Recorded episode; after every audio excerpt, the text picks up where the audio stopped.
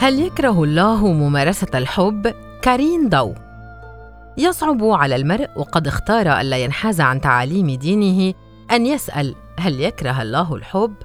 ما زالت تتردد في أذني جملة قالها معلمي عندما كنت في عمر المراهقة إياكم يا أبنائي أن تدخلوا يوما الحجة وتقفلوا الباب وتسألوا أنفسكم أسئلة عميقة يصعب أن تجدوا لها أجوبة واضحة وإلا ستكفرون الأجدى بكم ألا تفكروا بها أبداً. الخوف من الخروج عن السكة التي لازمتني منذ صغري كان كبيراً. لم أخفي توتري عندما قررت أن أختلي بنفسي لأجد الإجابة التي أبحث عنها ولكن عذراً معلمي غنائم المرء تجاربه. وتجربتي الجديدة تلك تستدعي الخلوة أكثر من أي شيء آخر. بدأ الأمر عندما حزمت أمتعتي وأنا أستعد لأول سفرة سأخوضها كفتاة عزباء خارج البلاد وذلك من دون مرافقة أي فرد من أفراد عائلتي. عندما سأصل إلى هناك سيتبدد الخوف من المراقبة، التسلط، التشدد، التحكم. سأكون قادرة على التحرر من كل ما اعتدت على الالتزام به على مضض. هذا ما كنت أعتقده قبل أن أحط على الأرض الجديدة، وقد أحضرت معي هواجسي وقلقي واضطراباتي ومعتقداتهم. لم يكن انجذابي لشخص آخر أمرا خارجا عن المألوف إلا أن الاختلاف هذه المرة تجسد في تواجدي على أرض لا تربط بيني وبين روادها أي علاقة متينة وممتدة. كل ما سأخوضه فيها من تجارب ستنتهي عندما أرحل عن حدودها البعيدة عن بلدي الأم. فهل يمكن أن تتجاوز علاقتي مع هذا الشخص حدود الوعد الذي أبرمته مع الإله؟ وهل سأتخطى ذنوبي القديمة إلى ذنوب أعظم عنده؟ صراع بدأ ينشأ رغباتي أم حماية قدسية هذا الجسد الفاني على أي حال؟ كسر قيود العائلة أم الحفاظ على شرفها المرتبط بشكل لا منطقي بأجساد النساء؟ لذة الاستمتاع أم الالتزام بوصايا الدين؟ كانت علاقتي بذلك الرجل قد بدأت بالنمو خلال أيام معدودة وتجاوزت أحاديثنا فيما بعد مسمى الصداقة الذي نختبئ خلفه كلما أردنا إطفاء رغباتنا.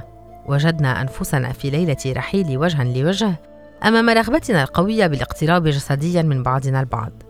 لم أتوانى أبدا عن الاعتراف. إقامة علاقة جنسية كاملة خارج إطار الزواج أمر مرفوض البتة. هنا بدأت حدودي ترسم نفسها بنفسها. الوصول إلى اللذة الكاملة أمر مرفوض فهو سيكلفني قلقا من فقدان غشاء البكاره وتجاوز العلاقة الجسدية لحدود القبلات والتلامس السطحي أيضا مرفوض فذلك سيكلفني شعورا قويا بالذنب والخطيئة. كلانا يعرف أننا لن نلتقي مجددا.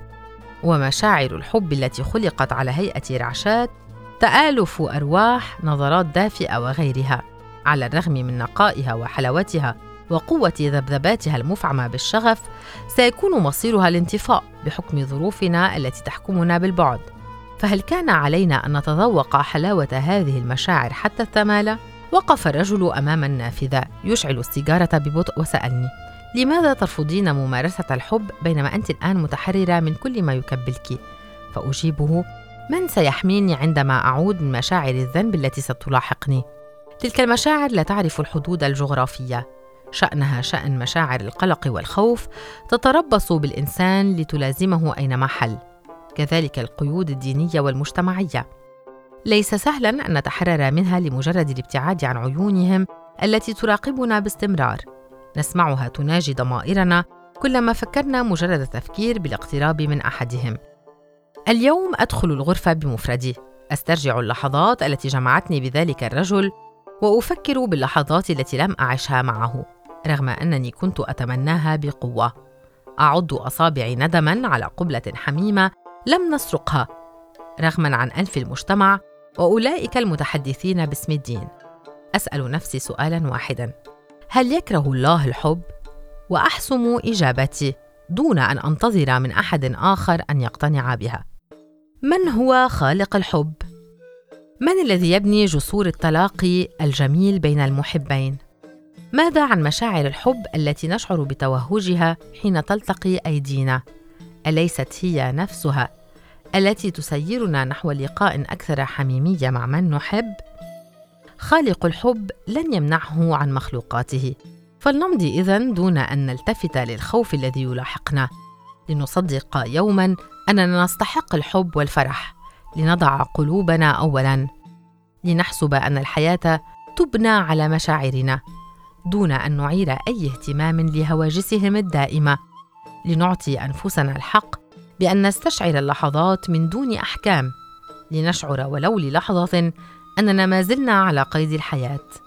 لنمضي بحرية إلى ما نحب دون حسيب أو رقيب. فالله لا يكره الحب.